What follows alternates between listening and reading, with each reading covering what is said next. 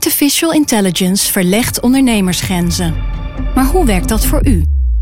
Als transformatiepartner helpt Capgemini u kansen te ontdekken en benutten, zodat we uw ideeën tot leven brengen. Vorm uw eigen mogelijkheden met generative AI. Ontdek meer op capgemini.nl/slash AI. Capgemini. Get the future you want.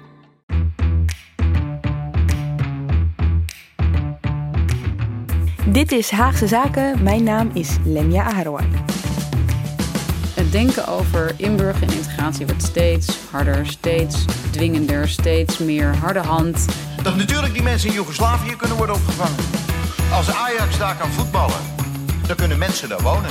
Eigen volk eerst. Mag je dat in Nederland zomaar zeggen? Dit is wel, wel uh, van oorsprong mijn land, bedenk het even. De Nederlander bestaat niet. Nou ja, blijkbaar heeft niemand in de gaten gehad dat dat gewoon dynamiet zou kunnen zijn voor. De Tweede Kamer is met reces, maar Haagse Zaken gaat nog een weekje door. Dit is de laatste aflevering voordat ook wij er tussenuit gaan voor een vakantie. Maar voordat we op vakantie gaan, bespreken we een onderwerp waar het al twintig jaar over gaat. Waarbij de gemoederen hoog oplopen in zowel het politieke als het maatschappelijke debat. Floor Boon, Sheila Kamerman, welkom allebei. Dankjewel. Op de valreep nog in Haagse Zaken in dit seizoen. Um, wat doen jullie voor de krant? Floor. Ik was het afgelopen jaar in Den Haag met de politieke redactie plaatsvervangend chef. En sinds deze week eigenlijk ben ik in mijn nieuwe functie als redacteur over defensie en migratie. Shaila? Ik werk voor de redactie Binnenland in Amsterdam. En heel vaak dus niet in Amsterdam, maar ergens in het land. En schrijf onder meer over integratie. Maar ook over heel veel andere dingen. Waar gaan we het over hebben? Integratie. En inburgering. Ja, en daar gaan we het niet zomaar over hebben, want jullie hebben de hoofdrolspelers van de afgelopen 20 jaar gesproken. Dat klopt. We hebben zes oud-ministers, de huidige minister, ja. maar ook twee hoogleraren, een aantal hoge ambtenaren. Ook ambtenaren en ook mensen die toen en nu inburgerden of moesten inburgeren en nu inburgeren. En we zijn eigenlijk met hun gaan terugkijken hoe dat beleid zich in de afgelopen twintig jaar heeft ontwikkeld. We gaan het er zo uitgebreid over hebben. We gaan ze ook even horen. Maar eerst is het even belangrijk om iets op te helderen. En dat is wat het verschil is tussen integratie en inburgeren, Shaila? Nou, integratie, dat is veel breder dan inburgeren. Integratie is mensen die uit het buitenland komen naar Nederland. In Nederland zo laten meedoen doordat ze de taal spreken en een beetje weten hoe het in Nederland gaat. Uh, dat ze zich prettig voelen, maar ook dat de ontvangende samenleving, in dit geval Nederland, uh, ze ook verwelkomt. Het is een soort wederzijds proces mm -hmm. van uh, met elkaar samenleven eigenlijk. En inburgering, dat is wat smaller. Dat is eigenlijk het leren van de taal en ook wat kennis over de Nederlandse samenleving, maatschappij en de Nederlandse arbeidsmarkt. Maar dat is eigenlijk veel schoolser. Het zijn kort gezegd de lessen die je volgt ja, uh, om mee te kunnen doen in Nederland. Ja, en om het makkelijk te maken, iemand die al de Nederlandse nationaliteit heeft, daar kan het integratievraagstuk nog wel voor gelden. Denk bijvoorbeeld aan uh, derde generatie Marokkaanse jongeren. Maar het inburgeringsvraagstuk dus eigenlijk niet. Die kan je niet meer dwingen. Ja. Om in te burgeren, want dat mag niet. Maar je kunt wel zeggen tegen mensen, maar dat zou ook voor Nederlanders kunnen gelden. Mhm. Mm -hmm. Van uh, je moet meer je best doen om mee te doen in de maatschappij. Ja, Valt het eigenlijk altijd samen in hetzelfde ministerie? Ja, eigenlijk wel. Integratie en inburgering is eigenlijk altijd uh, samengevallen. En het lastige is ook wel dat de, de, termen vaak door elkaar heen worden gebruikt. Als mensen het hebben over integreren, dan bedoelen ze heel vaak inburgeren. Mhm. Mm -hmm. Dus in sommige gevallen is het wel goed om even het onderscheid te maken. Wat wel soms onder verschillende bewindspersonen valt, is het asielbeleid.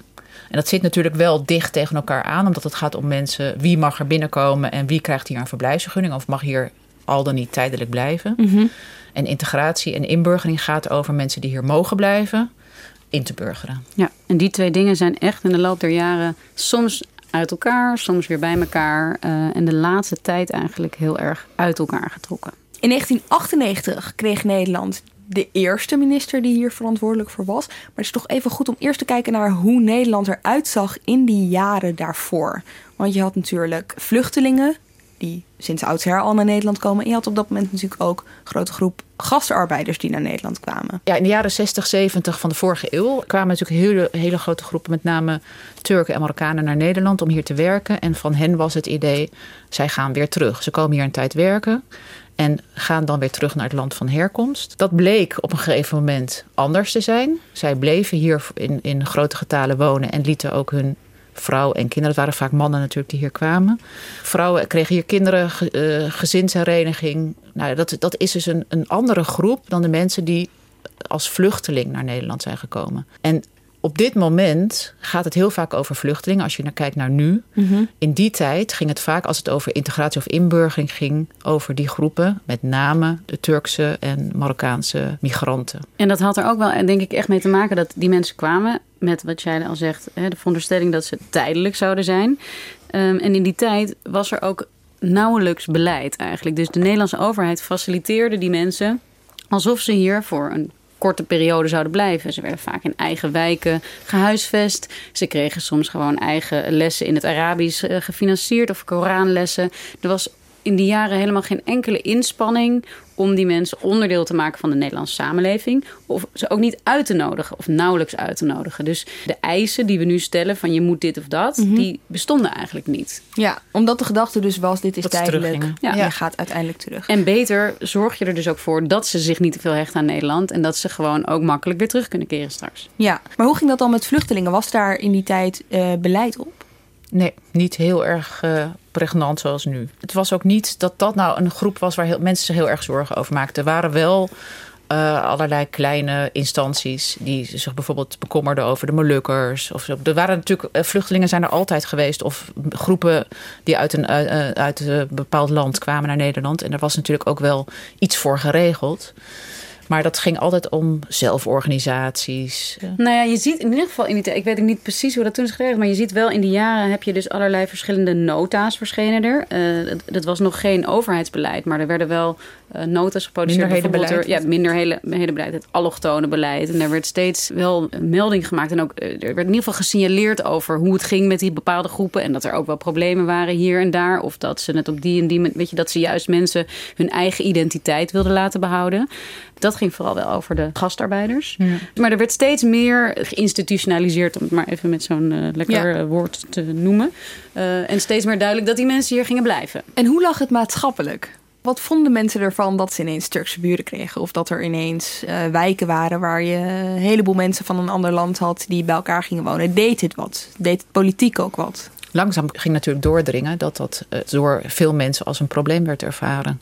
Ze woonden ook vaak in wijken bij elkaar. Mensen die daar al met een Nederlandse achtergrond woonden, voelden zich klem gezet. Nee, we kennen allemaal die verhalen over we voelden ons niet meer thuis in de wijk. Dat is iets wat langzaam met de jaren steeds een pregnanter eh, geluid werd. En daardoor is er natuurlijk ook op een gegeven moment beleid opgemaakt. Ja, maar en ook in de hele tijd was het not done eigenlijk om daar kritiek op te hebben. Want eh, je mocht dat niet zeggen, of in ieder geval zo ervoeren veel mensen dat ook. Je mocht daar geen kritiek op hebben. Je mocht niet iets naars of stoms zeggen over buitenlanders. Als je dat vergelijkt met hoe er nu over buitenlanders wordt gesproken, is dat natuurlijk een enorm verschil. Nou ja, goed voorbeeld daarvan is natuurlijk eh, Jan Maat. Ja.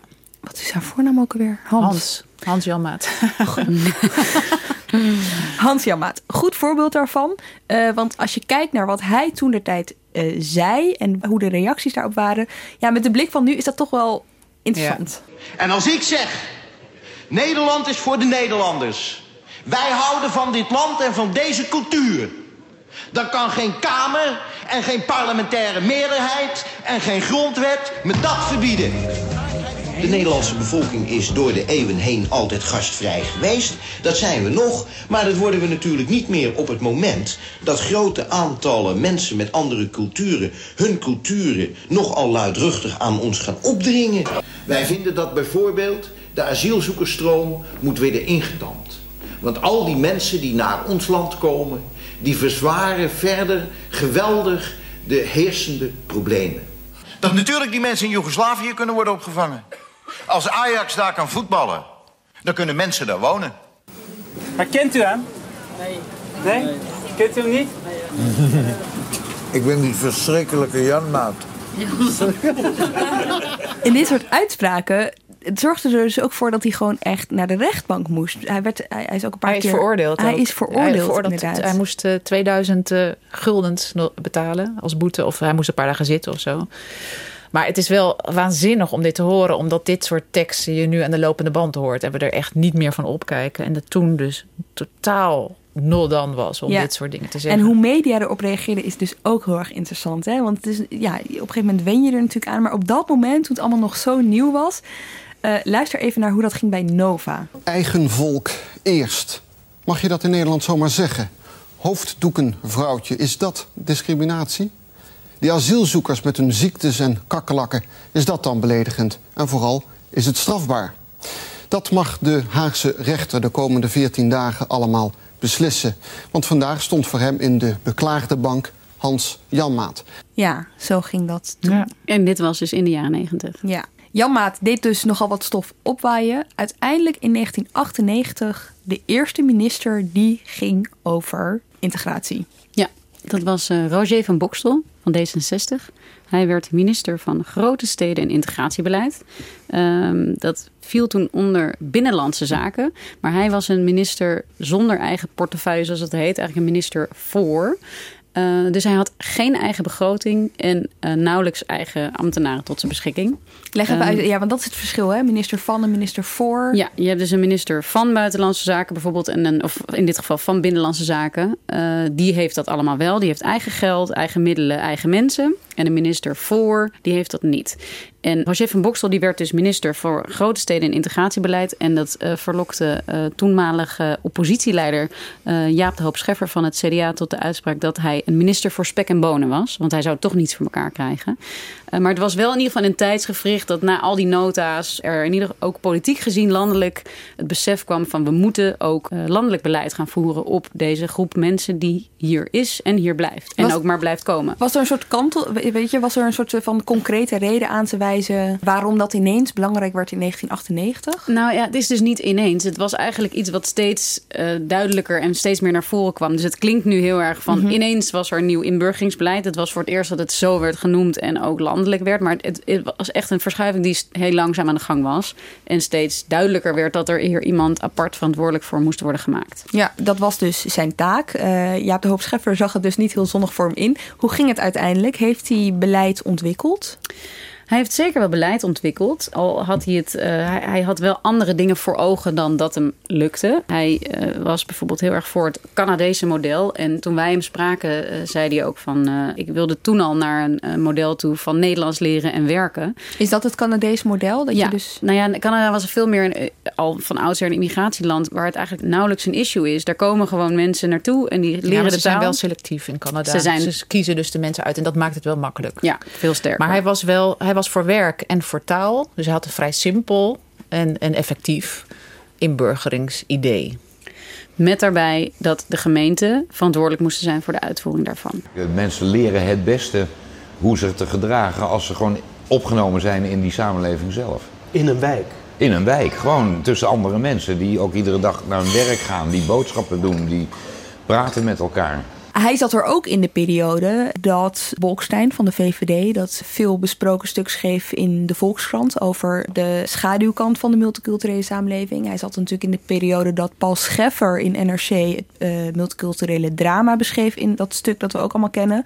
Met andere woorden, hij zat natuurlijk wel in een tijd waarin die maatschappelijke discussie wat verscherpt werd. Ja. En eh, vergeet 2001 niet, de aanslagen in Absoluut. New York. Dus je hebt dan, en Fortuin die komt dan daarna. Dus dan zie je dus dat er echt een verschuiving is. Jan Maat was nog, iedereen zat echt met open mond te kijken van wat zegt die man nou? Of althans, er zullen ook een aantal mensen het wel mee eens zijn geweest. Maar het was nog heel ongewoon taal die hij uitsloeg. En het wordt langzaam, krijg je steeds meer kritiek. En gaan er mensen ook intellectuelen mee bemoeien. Die zeggen van het gaat helemaal de verkeerde kant op met de multiculturele samenleving. Dus dan komt er steeds meer kritiek. En wordt dat ook uitgesproken. En wordt het ook langzaam harder. En daarin, dat, dat merkte hij ook, hè, dat onder druk van die dingen kwam het niet tot zijn plannen. Zegt hij nu in ieder geval. En hij eh, werkte met, er lag toen ook een wet, de wet inburgering nieuwkomers heette dat. En dat was eigenlijk al voor het eerst dat gemeenten verplicht aan mensen een soort aanbod deden om een cursus te doen. En dat werd gefinancierd door het Rijk. Dus er lag al wel iets van, we leggen je iets op om mee te doen in deze samenleving. Alleen in die tijd verschoof er zoveel maatschappelijk gezien en politiek gezien eigenlijk. Ja, kijkt hij daar ook zelf zo op terug? Als heeft het invloed op hem gehad? Ja, daar kijkt hij wel zo op terug. Dat er onder die druk van al die gebeurtenissen wel veel ging schuiven. Ja.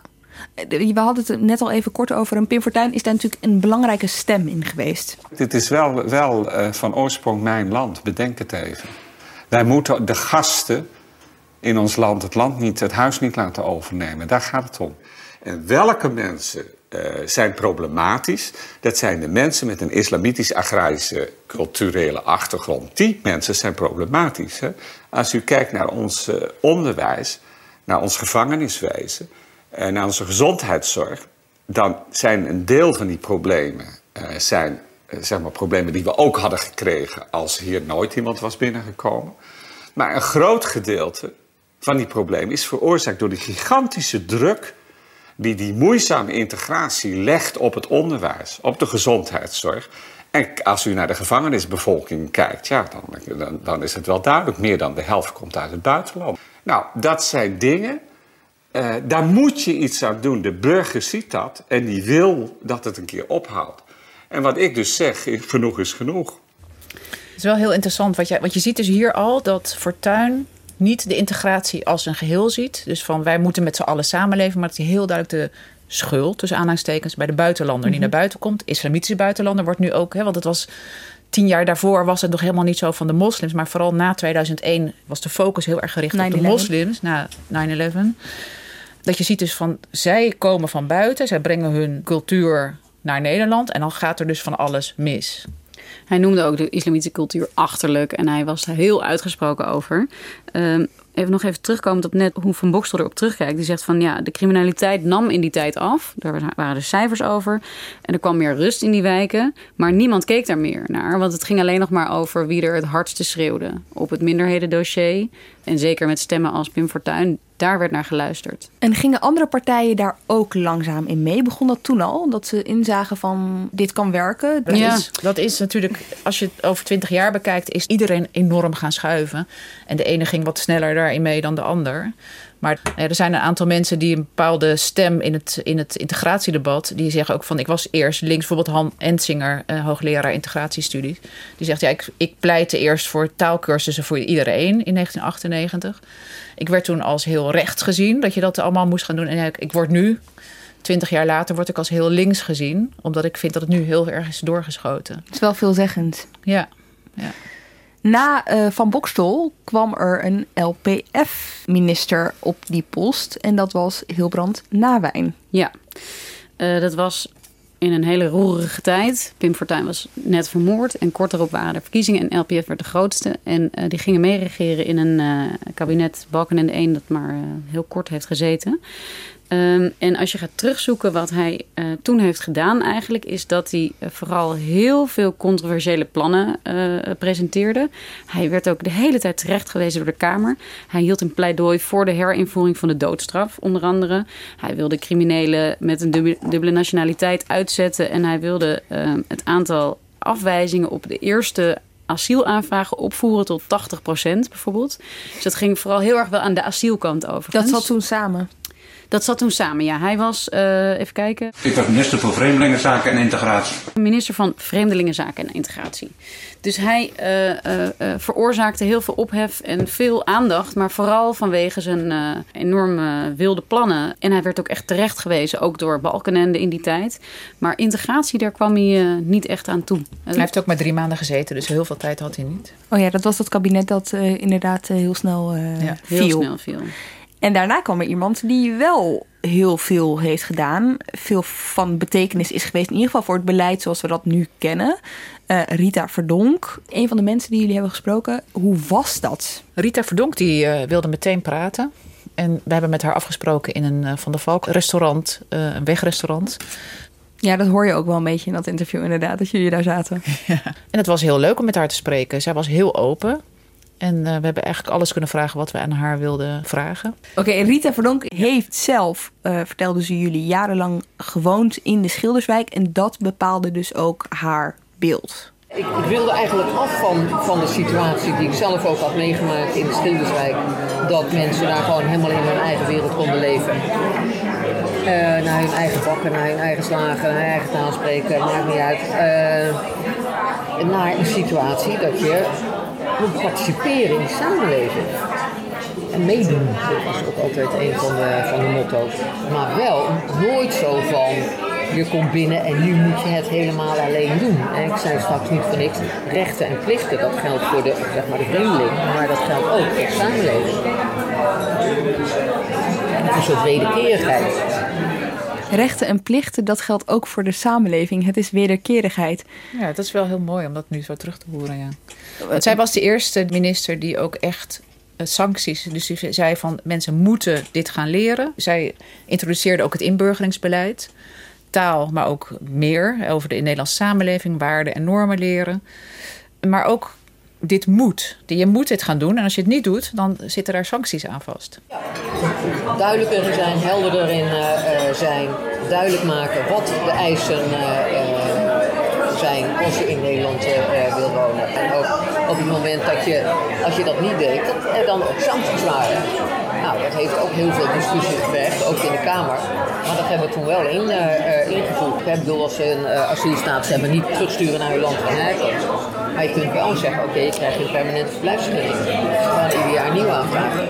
Eigenlijk verlegde zij de verantwoordelijkheid naar de nieuwkomer zelf. Ja, het is sowieso misschien goed. Kijk, er was net een hele roerige periode geweest. Publicaties over het drama van de multiculturele samenleving Fortuin, 9-11. En toen dat kabinet dat zo snel viel.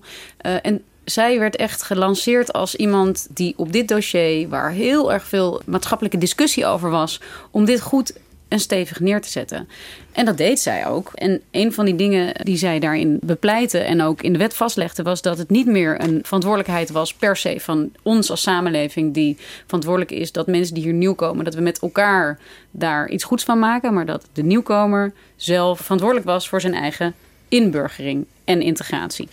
Ja, en niet alleen de nieuwkomer, ook de oudkomer, zoals zij dat noemde. Dat waren de gastarbeiders die inmiddels gewoon Nederlander waren geworden. Maar die nog lang niet allemaal, vooral de eerste generatie, goed genoeg Nederlands konden spreken om uh, volgens haar goed genoeg mee te kunnen doen. Dus zij zei: niet alleen de nieuwe mensen, dus de vluchtelingen of migranten die nu arriveren, maar ik wil ook dat de verplicht de gastarbeiders gaan inburgeren. Ja, ik kan me nog goed herinneren dat dat heel veel stof deed opwaaien bij eerste en tweede generatie. Bijvoorbeeld Marokkanen of Turk die dachten... Hè, moet ik nu ineens nog naar school, maar wordt anders mijn Nederlanderschap afgepakt. Dus dat deed wel wat in de samenleving. Ja. Ja. ja, zij was zelf ook iemand die heel veel discussie en heel veel emotie opwekte. Een van de symbolen uit haar tijd is dat zij met een imam ging praten... die haar geen hand wilde geven, bijvoorbeeld. En dat die niet-aanpassingsgezindheid, uh, uh, dat werd ook een soort symbool dat accepteerde ze niet. Zij accepteerde het niet, nee. Dat is wel belangrijk om erbij te vermelden, zeker. Dat soort dingen doen wij hier in Nederland. Wij schudden handen. Dus dat moet iedereen doen. Ja. Maar het is wel interessant om hier nog bij te zeggen dat het haar dus niet gelukt is om, dat, dat was juridisch niet mogelijk, om mensen die al Nederlander zijn te verplichten om nog taallessen te gaan volgen. Dus dat kon wel worden aangeboden. En dat mochten ze dan doen als ze er zin in hadden. En heel veel mensen hebben dat ook gedaan.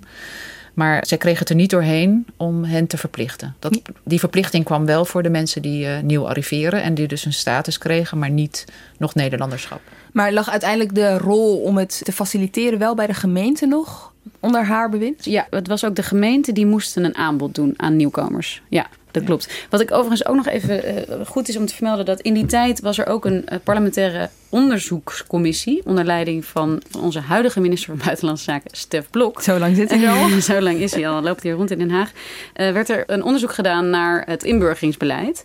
En, parlementaire uh, enquête was dat? Ja, een parlementair onderzoek. Onderzoek, oké. Okay. En een van de dingen waar zij... Het was een heel lijvig rapport uh, wat zij publiceerde. Maar een van de dingen uh, die zij concludeerde... was dat de integratie van minderheden in Nederland... dat ze in de meeste gevallen eigenlijk best wel heel goed integreerden in Nederland. Alleen, zeiden ze daarbij, dat was vaak eerder ondanks dan dankzij het stelsel dat er lag. En een van de aanbevelingen die ze deden was dat ze zeiden dat er een nieuw inburgeringsstelsel nodig was, waarin de eigen verantwoordelijkheid voorop staat. Dus Verdonk deed dat niet helemaal alleen, maar dat kwam niet helemaal uit de lucht vallen. Dat was wel iets wat in die tijd ook uh, op allerlei andere niveaus speelde. Eigenlijk volgde ze die aanbevelingen op. Ja, ja. met nog, nogal pregnant volgde ze op. Ja. Dus zij uh, pakt dat heel stevig op. Ja. ja, en natuurlijk die inburgeringscursussen waar we het nu zo vaak over uh, hebben, die begon zij. Zij voerde dat in. Ja, ja en daarbij aansluitend, misschien kunnen mensen die luisteren zich Rodaan Al-Ghalidi herinneren, die uit Irak naar Nederland vluchtte en hier schrijver werd. En In 1998 Hij, overigens, toen ja, het allemaal in begon. 1998 kwam hij in Nederland aan en hij moest op een gegeven moment toen een inburgerscursus gaan doen. En hij zakte daarvoor. Want die inburgerscursus is ook niet heel erg makkelijk om voor te slagen. Want je moet wel behoorlijk. eh, die vragen zijn heel grappig. En hij vertelt dat op, op een hele grappige manier. Ja, eh, ik heb, eh, dan moet jij, ik denk, ik weet niet hoeveel het kost. Het is duur, hè? Moet je boeken kopen, net als rijbewijs. Moet jij de theorie leren. Wat betekent een ooievaar op het raam? Hij is geen hongerige vogel die zag eten binnen. Nee, er is een kind geboren. Dat kostte veel uren heen en weer studeren. Ja. En dan moet je weten, zeg maar, wat het betekent, het oranje kleur. Dus niet alleen sinaasappel, maar het is iets anders, moet je ook weten. Dat heb ik het drie, vier maanden geleerd, gestudeerd, heen en weer. Gestopt met poëzie schrijven of zo. En dan heb ik vijf tentamens gehad. En daarna gehaald. Het was dure eh, examen ook. En de boeken zijn ook duur. De asielzoeker moest zelf voorbetalen. Dit was met Adriaan van Dis bij eh, OVT van de VPRO. De- maar dit is natuurlijk ook wel heel erg veelzeggend. Hè? Deze inburgeringscursus is zo vaak besproken. Iedereen kan wel een vraag noemen. De vragen zijn ook vaak hilarisch. Maar het- je moet wel, dat is een klein onderdeel van de inburgeringscursus. De inburgeringscursus staat voor het grootste gedeelte uit het leren van de Nederlandse taal. Gewoon Ja. een taalkursus. Ja, maar ik zou je je hebt ook- tragicomisch zeggen. tragicomisch. ik vind het prima. nee, maar dat je dus... Er wordt verwacht dat jij weet... Precies, hij zegt dus een ooievaar op het raam. Maar er zijn ook van die voorbeelden van... Als er een kind wordt geboren bij de buren... Wat doe je dan? Stuur je een kaartje? Of eh, ga je langs? Of doe je niks? Hangt een beetje En- af van je relatie met je Nou, dat hangt eh, voor iedereen nogal. Ik ga ook niet, zou ook niet bij al mijn buren langs gaan of een kaartje sturen. Of misschien zou ik het niet eens weten. En toch is daar dan, ligt daar toch een soort er verwachting in dat iedereen weet en dat alle Nederlanders dat wel doen. Ja, ja, ja. Weet je wat me opviel bij het terugluisteren van het interview dat jullie hadden met eh, Verdonk? In de tijd dat zij minister was, eh, vond men haar altijd heel hard. Het was echt een soort van eh, vernieuwend wat zij deed. En nu denk ik, oh, ze is best wel mild. Ja, maar dat, die verschuiving zie je bij meer mensen. Dat is het steeds weer een stapje verder gaat. Ja, we zijn, we zijn eigenlijk een beetje aan gewend geraakt dat, dit- dat dit is wat, hoe we kijken in Nederland naar hoe nieuwe mensen onze samenleving binnenstappen. En dan is het contrast behoorlijk groot. Want dan gaat eh, Rita Verdonk eh, weg, is ze klaar. En dan komt een compleet ander persoon op haar plek, een PvdA. De hoogte is één van de 40 wijken waar we de komende jaren extra aandacht aan besteden om eh, een paar verbeteringen tot stand te brengen in deze wijk. En ik ben hier voor de tweede keer, vorig jaar ben ik voor het eerst geweest, om te kijken hoe staat het er nu voor. En het is fantastisch om te zien, we staan hier op een plek waar eh, een speeltuin eh, is gerealiseerd, die er vorig jaar eh, nog niet was. Dus nou ja, de eerste resultaten zijn zichtbaar. Dit is Ella Vogelaar, minister van. Wonen, wijken en integratie. Dit is dus weer een ander ministerie. Ja, ik zit dat net even te bekijken, want daar hebben we eigenlijk nog helemaal niet genoemd. Maar wat je namelijk wel ziet, is dat integratie en inburgering in alle jaren de hele tijd van ministerie verandert. Eh, dus eh, Van Bokstel die was bij Binnenlandse Zaken, Nawijn en Verdonk zaten bij Justitie. En ehm, ik zit nou even te kijken. Het past ook een beetje bij Verdonk, hè? Dat- bij justitie. Dat was. eh, Ja, dus en, en, en daarmee verschoof ook een beetje de indruk van, weet je wel, bij eh, eh, grote stedenbeleid ging het over integreren in de steden. Bij justitie was het integreren onder de, de wet. Eh, later is het verschoven, dus nu en in de vorige termijn, naar sociale Waarom zaken. is dat? Is daar een verklaring voor? Of is het gewoon een soort van willekeur van eh wie het, is er op dat het, moment het weerspiegelt wel ook wat belangrijk werd gevonden. Vogelaar, waar zat het bij Vogelaar onder? Volkshuisvesting, ruimtelijke ordening en milieubeheer. Oh ja. Ja. Dus eh, milieubeheer en eh, integratie zat eigenlijk viel onder één minister.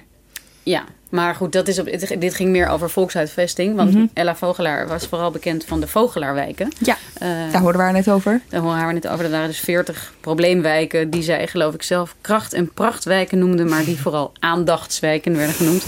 En waar eh, er allerlei eh, eh, problemen waren. Ehm, maar het zegt dus iets, ja, wat, wat Shaila zegt, het weerspiegelt ook een soort ongemak van wat moeten we met dit dossier? Het, het, het weerspiegelt ook een soort gevoel van dat het niet zo urgent werd gezien dat er werd gezegd, dit moeten we vasthouden. Of juist dat elk kabinet er een soort van zijn eigen stempel op wilde drukken. Hier gaan we weer, nu we het hier onderbrengen, gaan we het echt beter doen. Ja, je Maar zou, je zou ook denken bij een PvdA-minister die dan na Verdonk komt, dat ze denkt, oh, dit ga ik eventjes helemaal anders doen. Wat zegt ze daarover? Jullie hebben haar Ja, zij, zij, eh, zij had wel kritiek op Verdonk, maar zij was zelf ook weer opgeschoven. Want ze wilde eerst was ze helemaal niet van drang en dwang. Maar ze was zo langzamerhand gaan inzien dat dat wel een beetje duwen en trekken wel, vond ze wel goed. Maar zij vond Verdonk te hard, maar ze wilde niet weer een heel nieuw beleid. Dus zij zei, ik ga de, ja, de harde kantjes van Verdonks beleid af, afschaven. Nou ja, ik vind zelf in ieder geval dat ik eh, tegenwicht heb geboden. eh, tot die gepolariseerde, in die gepolariseerde discussie eh, rond integratie. Ik wilde die evenwichtige benadering. Ik stond niet aan één kant, zal ik maar zeggen. Ik wilde echt die eh, evenwichtige benadering van oog voor de problemen en die aanpakken. En daar zowel repressief als preventief in zijn. En erkenning dat. eh, er eh, wel degelijk een be- emancipatiebeweging is onder de tweede en derde generatie eh, migranten. En dat je dat dus ook eh, in ogenschouw moet nemen en niet alleen maar moet doen. Hè. Je kan erover zeggen, ik zei altijd van over integratie kan je dus praten van het glas is half vol, het glas is half leeg en het is alle twee waar. Ja. Dus zij, zij heeft niet een hele totale nieuwe wet geïntroduceerd. Nee, maar zij zegt inderdaad tegen ons, zei ze ook dat ze aanvankelijk vond dat ze dus eh, de groep oudkomers, maar ook nieuwkomers niet kon dwingen. Eh, ook niet omdat er heel veel bijvoorbeeld eh, semi- of analfabeet zijn. En dat je die ook niet kunt verplichten om beter Nederlands te leren. Maar, zei ze, door er veel over te praten kwam ze tot de conclusie dat het wel nodig is. En dat ze zich realiseerde dat het eigenlijk weinig respectvol is als je niet van mensen verwacht dat ze een bepaalde verantwoordelijkheid op zich nemen. Dat is wel een interessante draai hè, die ze beschrijft. Ja. Ja, daarin maakt ze het niet meer alleen maar van wij moeten jou iets opleggen, maar ehm, eh, het is ook belangrijk voor jou dat we jou dit opleggen. Hoe kijkt, hij, hoe kijkt hij verder terug op die periode? Ik kan me voorstellen, en dat geldt misschien voor al die bewindslieden, dat in hun tijd waren alle ogen erop gericht. Nu natuurlijk ook wel zo, maar ik heb, voor mijn gevoel was het toen explosiever of zo. Ja, zij worstelde enorm met dat harde klimaat. Nou ja, toen de gevleugelde uitspraak van Maxima, waar de hele wereld over, eh, zich over uitstortte. De Nederlandse identiteit ben ik niet tegengekomen, Ja, behalve niet, een koekje bij de thee. Ja. ja, dat vond ik dus echt. eh, wij hadden die tekst dus gelezen, want zo gaat dat van tevoren. Ik vond het een prima uitdrukking. Ik dacht, ja, hè, ik, ik- de Nederlandse identiteit bestaat inderdaad niet. Nou ja, blijkbaar heeft niemand in de gaten gehad dat dat gewoon dynamiet zou kunnen zijn voor, voor Maxima. Maar zo gevoelig lag het dus. Dat mocht je dus niet zeggen. Ze- Die hele harde taal, daar had zij niks mee. Ja, en ze kwam dus met een deltaplan inburgering. Ja, zij kwam eigenlijk eh, negen maanden geloof ik nadat zij aantrad met een deltaplan inburgering. En dat was omdat er volgens een rapport van het Sociaal Cultureel Planbureau er 260.000 mensen niet goed ingeburgerd waren. Dus die spraken niet genoeg de taal en die waren niet genoeg, hadden ze al die examens afgelegd. En die constateerde eigenlijk dat in die dwang die onder Rita Verdonk was ingevoerd, dat dat toch niet werkte, want de klaslokalen bleven gewoon leeg. Dus zij kreeg extra geld om dat deltaplan uit te voeren. En om die mensen alsnog eh, iets aan te bieden eh, namens de gemeente eh, en om een passende cursus. Ze heeft het zelf ook over maatwerk. En het interessante is namelijk, want haar partijtop zei op een later moment het vertrouwen in haar op. Zij is op een vervelende manier weggegaan. En hoogleraar Han Ensinger, die zei dat eigenlijk zij met dat Deltaplan het proces van inburgering weer op de rails kreeg. En hij zei van, ik heb toch het idee dat ze daar te weinig erkenning voor heeft gekregen. Oh ja, dus dat dat achteraf pas eh, komt. Ja, het interessante is dus dat zij, denk ik, na Verdonk, die heel hard was, kwam zij. En ze was wel opgeschoven, maar ze was nog steeds iemand van de PvdA. Ze had ook onder Roger van Bokstel, eh, was zij eh, leider van de taskforce integratie geweest. Dus ze had ook heel lang met hem meegekeken. Hè. Dat ging toen al over de taal leren en aan het werk gaan.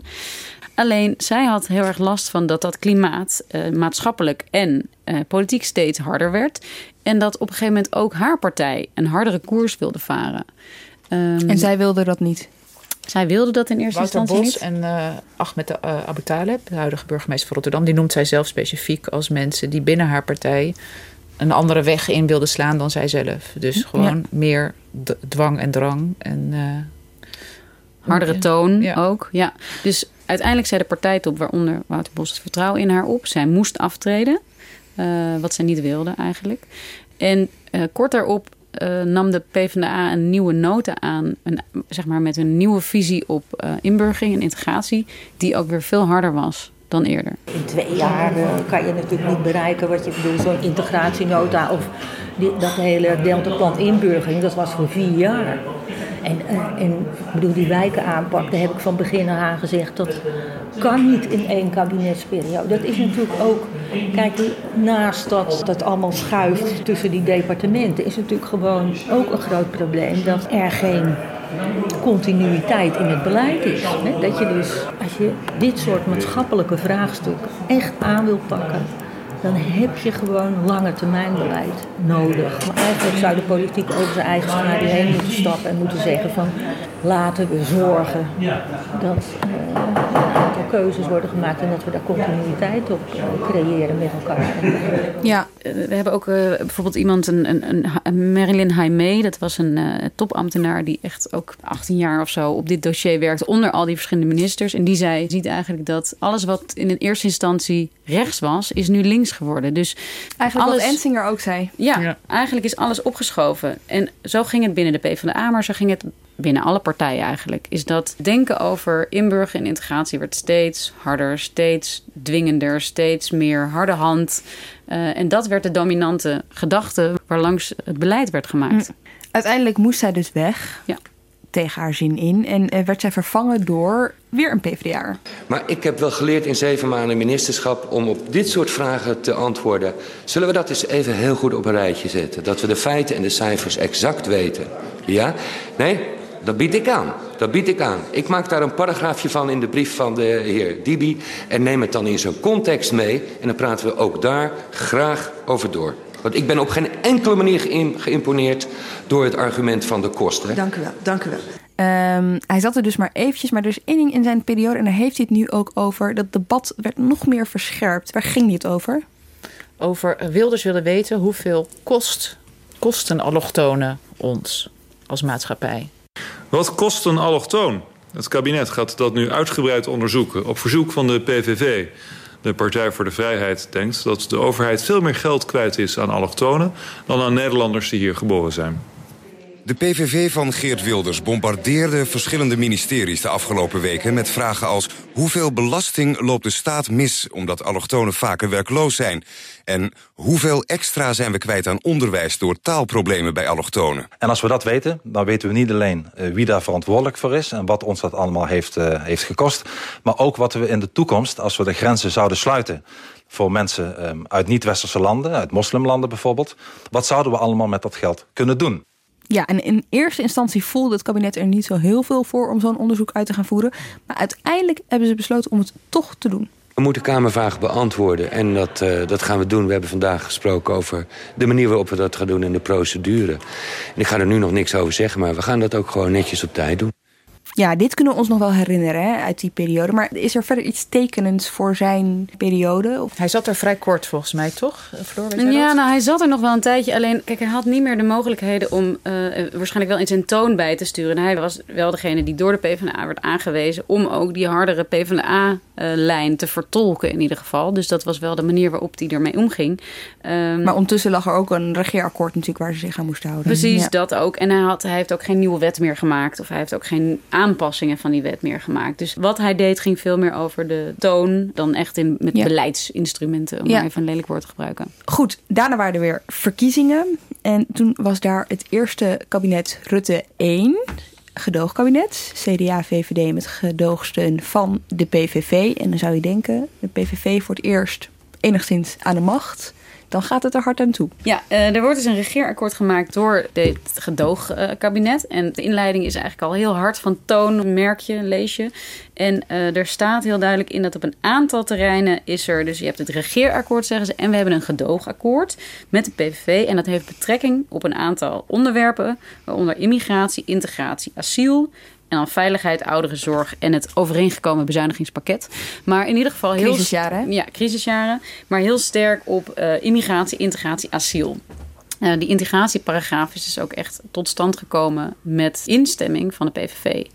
Van Geert Wilders, die in die tijd nou ja, eh, ook steeds scherper werd over dit onderwerp. Piet Hein Donner werd toen minister, CDA.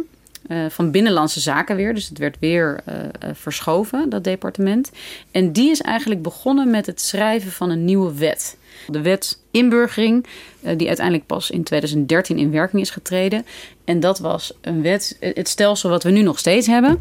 Ehm, waarin het leenstelsel onder andere werd ingevoerd en waarin de markt geprivatiseerd werd, de markt van taalscholen. Dus in plaats van dat de gemeente verantwoordelijk was voor een cursus, eh, zeiden ze: jullie mogen het uitzoeken. Nieuwkomers zijn zelf verantwoordelijk. Ze krijgen een lening, vluchtelingen overigens. Eh, als je binnen drie jaar inburgert, wordt het wel omgezet in een gift. Maar dat was een stok achter de deur. Of dat is een stok achter de deur. 10.000 euro gaat het om. 10.000 euro. En eh, zoek zelf maar een goede cursus. En dan krijg je de situatie dat ik, ik sprak Aranchi, een Eritrees meisje van 22, of jonge vrouw eigenlijk. En die vertelde dat ze toen ze 20 was, had ze net een jaar in het AZC gezeten. En was zij uit Eritrea gekomen na een hele lange reis. En kreeg ze een heel klein flatje in Rotterdam Ommoord, een buitenwijk van Rotterdam. En daar zat zij. En toen moest zij zelf dus gaan zorgen dat ze ging inburgeren. Terwijl ze nog niet eens wist hoe ze moest zorgen dat ze een bed en een kast en een stoel en eh, een bank in haar eh, huisje zou krijgen. Moest dat dus huur betalen, allerlei toeslagen aanvragen. Dat, moest ze allemaal zelf gaan uitzoeken. Het was heel erg sterk eigen verantwoordelijkheid. Eigen verantwoordelijkheid. Dat beleid is dus eh, geschreven door Piet Hein Donner. Of tenminste, die, die wet is geschreven door Donner. Maar die verdween redelijk snel. Die ging naar, de Raad van, State. Ja. En toen werd hij vervangen door Gert Leers. Ja, die zat al in het kabinet, maar die had nog geen. Die kreeg eigenlijk de integratieportefeuille erbij. Ja, en toen dacht ik, Gert Leers. Wie was dat ook alweer? Ik kan me heel weinig van die man herinneren. Toen gingen we even op zoek naar wie dat ook weer was. En toen kwamen we een interview met hem tegen bij het Jeugdjournaal. En daarin ging hij op bezoek naar het uitzetcentrum in Katwijk. En dan zie je hem heel goed lachen, heel veel menselijk contact maken, handjes vastpakken. Hij zoent mensen. Hij pakt iemand met beide handen, daar pakt hij het gezicht van vast. En mensen die bedanken hem allemaal, die willen ook dat hij naar hun situatie kijkt. En daar gaat hij dan ook heel netjes op in. Nee, is goed, is goed. Maar dan weet ik een beetje namen, dan zal ik er nog eens naar kijken. Maar dat betekent dus niet dat zijn beleid ook soft was. Want even later staat hij voor dezelfde camera van het Jeugdjournaal te vertellen over waarom het zo ongezellig is in dat uitzetcentrum. Ik wil uh, best met alle uh, zeg maar inzet kijken of we die kinderen kunnen helpen. Alleen uh, verwacht nou niet dat dit een plek is waar je lang moet kunnen blijven en gelukkig moet zijn. de kinderen moeten zich realiseren dat de ouders uitgeprocedeerd zijn en dat ze weg moeten. Ja, dit was dus de minister die over, je zei het al, Floor, over asielbeleid ging. dus die portefeuille van Donner overnam en erbij ging doen. Wat voor minister was dit? Ik bedoel, was het, was ja, we het kennen weer hem een vooral, vooral van uh, Mauro natuurlijk. De jongen die geadopteerd was door een Nederlands gezin, maar ook weg moest. En hij met hang- en vliegwerk in Nederland heeft gehouden. Dat vond hij ontzettend lastig. En het meisje Sahar, die terug moest naar, volgens mij, Afghanistan. Afghanistan. Waar die ook in allerlei bochten zich heeft moeten wringen om te zorgen dat zij niet werd uitgezet. Want zij zat hier geloof ik op het gymnasium. Nou, even afgezien van dat feit, ze, ze, was hier volkomen voor Nederland. Ze woonde hier al heel veel jaren. Met haar ouders en broers en zusjes. Maar hij was ook dus in ieder geval een minister, een CDA-minister in een gedoogkabinet met de PVV. Hij wist dat, hij, hij trad daarin aan. Uh, hij zei tegen Shaila, toen hij die integratieportefeuille erbij kreeg, dat hij echt wel wist waar hij aan begon. Maar dat hij het ook. Hij had het beleid niet gemaakt, ja. natuurlijk. Dus hij heeft zich daaraan gecommitteerd, maar vond dat wel heel lastig. En dat uh, is bij hem niet zo heel duidelijk. We hebben niet hele erg duidelijke voorbeelden van inburgering, maar meer op die asiel. Uh, ja. Met een aantal asielkwesties is hij uh, heel bekend geworden, omdat dat toen heel pijnlijk was. Ja, maar, en in die tijd ging hij ook in Europa bijvoorbeeld, ging hij de boer op om andere, andere ministers ervan te overtuigen dat het asielbeleid strenger moest worden, bijvoorbeeld. En daarin hoorde je ook andere mensen in Brussel zeggen dat ze gewoon zagen dat de schim van Geert Wilders over zijn schouder meekeek. De schaduw eigenlijk.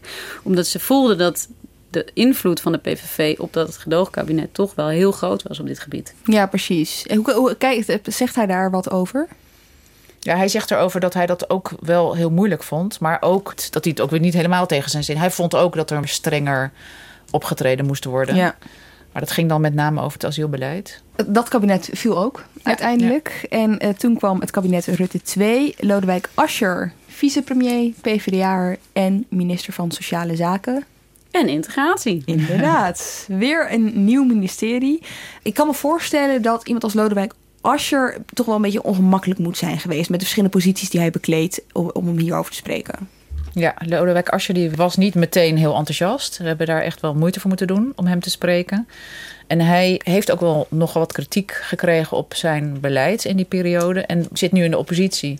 Dus bekritiseert nu het beleid van zijn opvolger eh, vanuit die rol. En dat is natuurlijk altijd wat lastiger, uh, om dat dan zo dichterop ook nog uh, met journalisten te delen. Merkte je dat ook tijdens het gesprek? Ja, dat was soms een beetje een schurend gesprek, ja. Um, hoe kijkt hij terug op zijn periode? Toen hij aantrad, trad net de nieuwe wet in werking. De wet die, die we net al uh, eventjes beschreven en uh, Charlie die jij beschreef met dat meisje in Rotterdam dat op een matrasje in haar kamer zat omdat ze niet wist wat ze moest doen. Eigen verantwoordelijkheid. Ja, dus de wet van de marktwerking ja. en uh, zoek het maar nou ja, uit. Dat meisje moest dus zelf ook nog op zoek, behalve naar een tafel en een stoel, naar een cursus. Ja. In dit geval is dat een meisje wat, of een jonge vrouw die analfabeet was toen.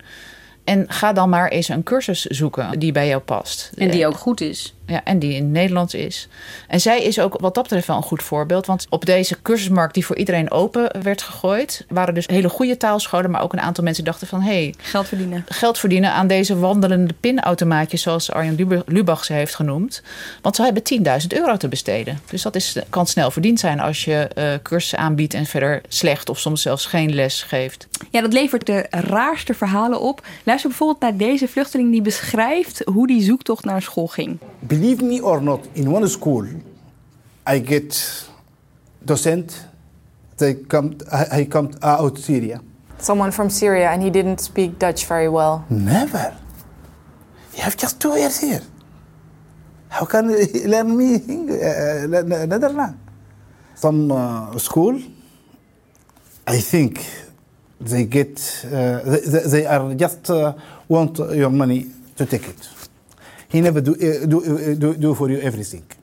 I feeling my son not respect me because they are speak good Netherlands. I cannot. They think me I'm doomed. They cannot uh, uh, respect my situation. They think me. Sometimes say to me, ben jij dom, papa? Ze vragen mij dat. Waarom niet spreken goed uh, Nederland? Ja, en dan zit er een PvdA-minister die dit beleid dus moet uitvoeren. Ja. Hoe kijkt hij daarop terug? Ik kan me voorstellen dat hij dat moeilijk vindt. Ja, nou ja, hij zegt er zelf over uh, dat hij ook niet de wet wilde veranderen. Want er lag net een gloednieuwe wet. Dus dat moet je ook een kans geven. Tegelijkertijd zegt hij ook dat die marktwerking is doorgeschoten. Je mag van mensen een inspanning vragen. Dat vind ik ook terecht. Ik vind ook dat je van de nieuwkomer een grotere inspanning mag vragen dan van de ontvangende samenleving.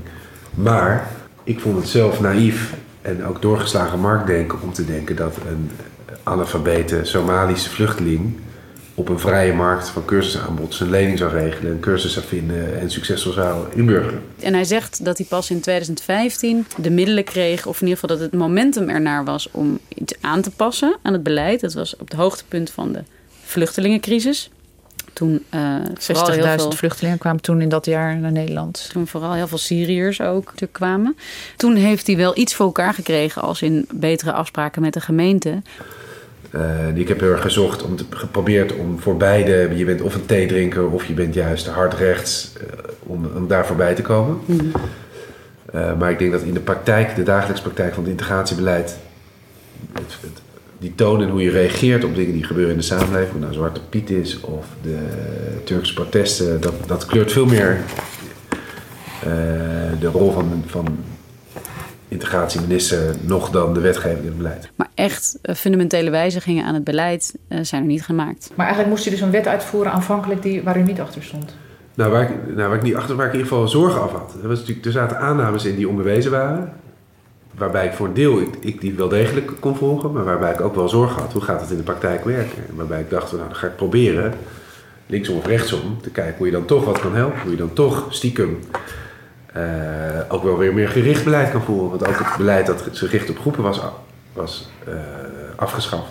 En in de praktijk komt het erop neer dat het kabinet Rutte 2 en de minister die dus zat het beleid heeft uitgevoerd dat de minister van het kabinet Rutte 1 bedacht. Ja, dat zie je overigens eigenlijk in die hele rit. Ja. Hè? Dus de, de ene maakt een wet en die gaat heel vaak pas twee jaar later in... Ja. op het moment dat er alweer een nieuwe minister zit. Ondertussen was er wel kritiek op die wet inburgering 2013, die dus zo over eigen verantwoordelijkheid ging. De Algemene Rekenkamer kwam bijvoorbeeld met een eh, behoorlijk kritisch rapport erover.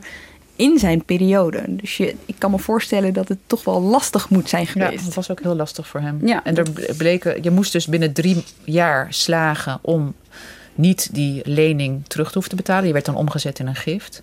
En er bleken gewoon heel veel mensen niet in staat om dat eh, te volbrengen. Ja. En er waren ook nog mensen die, het- die juist veel hoger niveau eh, Nederlands zouden hebben kunnen leren. Maar die dachten van nou, ik doe die inburgeringscursus wel op dat gemiddelde niveau. Want dan weet ik in ieder geval zeker dat ik het haal. En dat ik dus die lening niet hoef terug te betalen. Eigenlijk heb je gewoon maatwerk nodig. Ja. En nou zit er een nieuwe minister. De laatste, negende, meest recente minister die over integratie gaat. En dat is Wouter Koolmees, D66. Waar valt het nu onder? Ik hou het Nog steeds meer sociale zaken. Dus Oké, we hebben het wel laten zitten. Ja, en hij heeft natuurlijk recentelijk een nieuw stelsel gepresenteerd. En eigenlijk om aan te haken op waar we het net over hadden, dat gaat over maatwerk. Het is ook een ingewikkelde materie, denk ik. Vanwege eh, verschillende achtergronden van mensen. Je kan geen mal maken voor iedereen. Eh, dat is natuurlijk wel lang, te lang geprobeerd. De, de spreekwoordelijke vloeiend Engels sprekende Syriër met een universitaire opleiding versus iemand die analfabeet is uit, uit Somalië. eh, daar kun je niet hetzelfde van verwachten. Zou je kunnen zeggen dat hij met zijn nieuw stelsel het huidige beleid helemaal omgooit? Hij heeft, wel, hij heeft wel grote veranderingen. En hij, hij, hij introduceert hier dus drie niveaus. En dat maakt al heel veel uit. Voor dat meisje wat ik net beschrijf, die Aranji, analfabeet, die kan dan op het laagste niveau instromen. De, een bepaalde groep heeft een soort gemiddelde leerniveau. Maar hij heeft ook een hoger leerniveau voor de mensen die, jonge mensen die misschien al wat opleiding in het land van herkomst hebben gehad. En die daarna nog naar een opleiding in Nederland willen. Die moeten op een hoger niveau Ne- Nederlands leren. En dat introduceert hij hier. Ja, ook gaat hij het leenstelsel afschaffen. Dus dat eh, door veel mensen de nu gehate systeem van eh, haal ik het wel en, eh, en hoe zit het inderdaad met die vrije markt.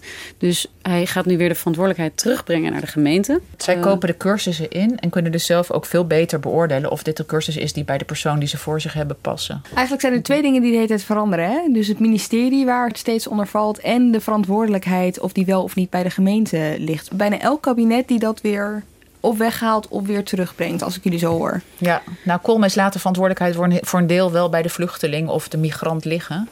Maar deels wordt gedeeld ook met anderen. Mhm, Dus ja. niet totale verantwoordelijkheid bij iemand die net is gearriveerd en nog geen taal spreekt. Een ander heel belangrijk onderdeel van zijn plannen zijn, is dat hij wil dat iedereen zo snel mogelijk aan het werk gaat. Dan moet hij ook nog maar eens gaan uitleggen en precies uitwerken hoe dat allemaal dan moet. Maar in elk geval wil hij wel mensen veel sneller aan het werk. Want dat is ook een kritiekpunt. Eh, zolang mensen in, aan het inburgeren zijn, gingen ze niet aan het werk. Dus ze waren vaak iets van vijf jaar niet aan het Hm. werk en moesten daarna nog eens beginnen.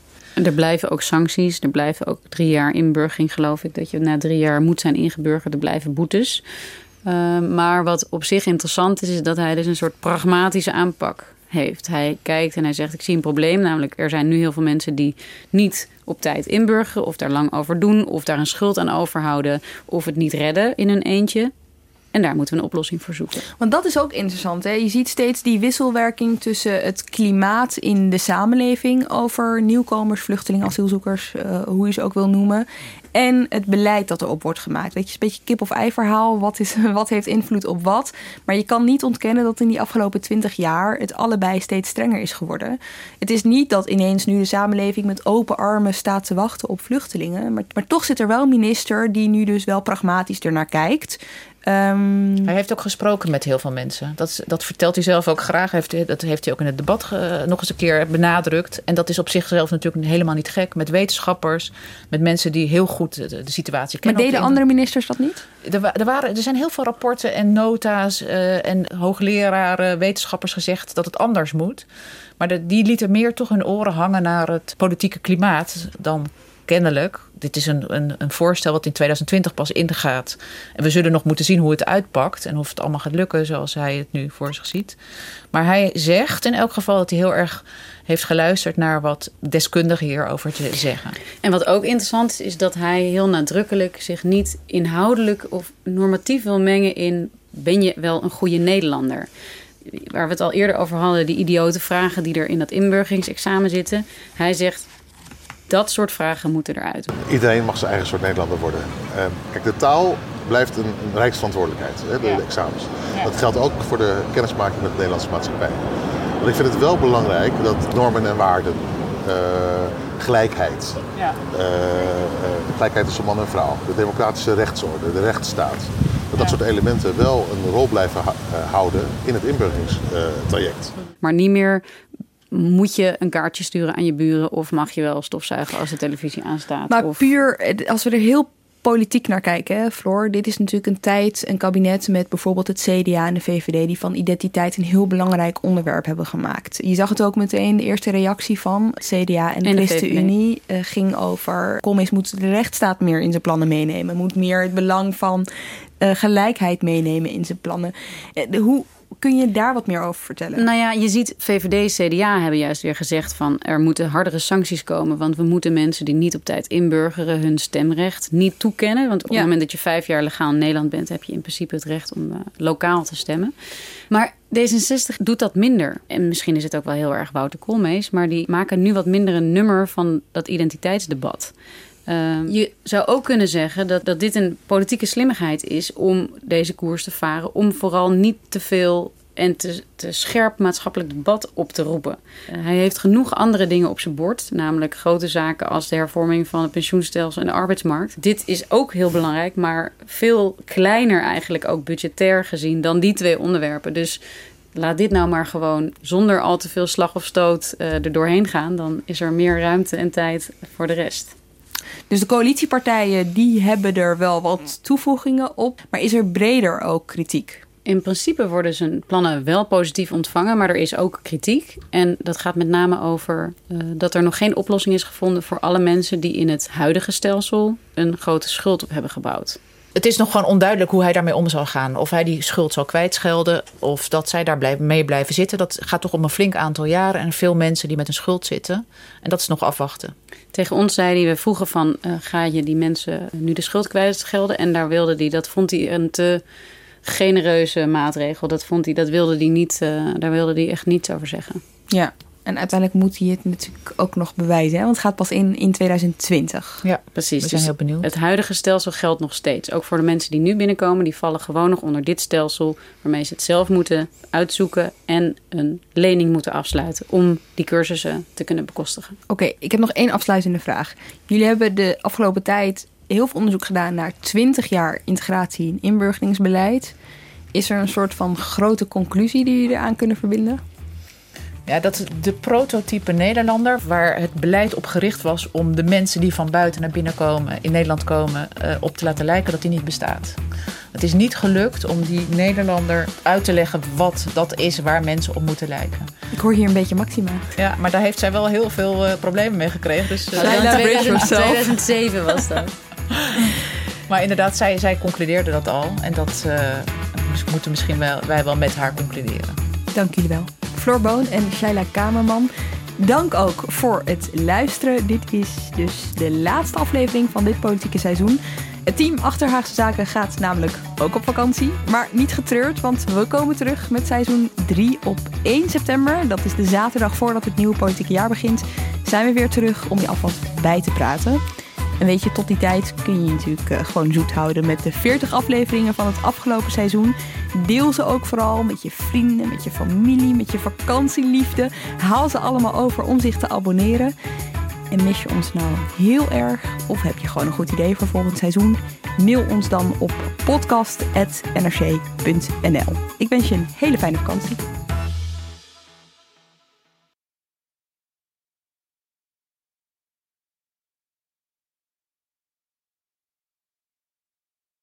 Je hebt aardig wat vermogen opgebouwd.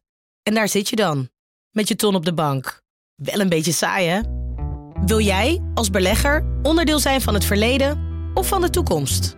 Bridgefund is een slimme fintech die een brug slaat tussen de financiële behoeften van ondernemers en van beleggers.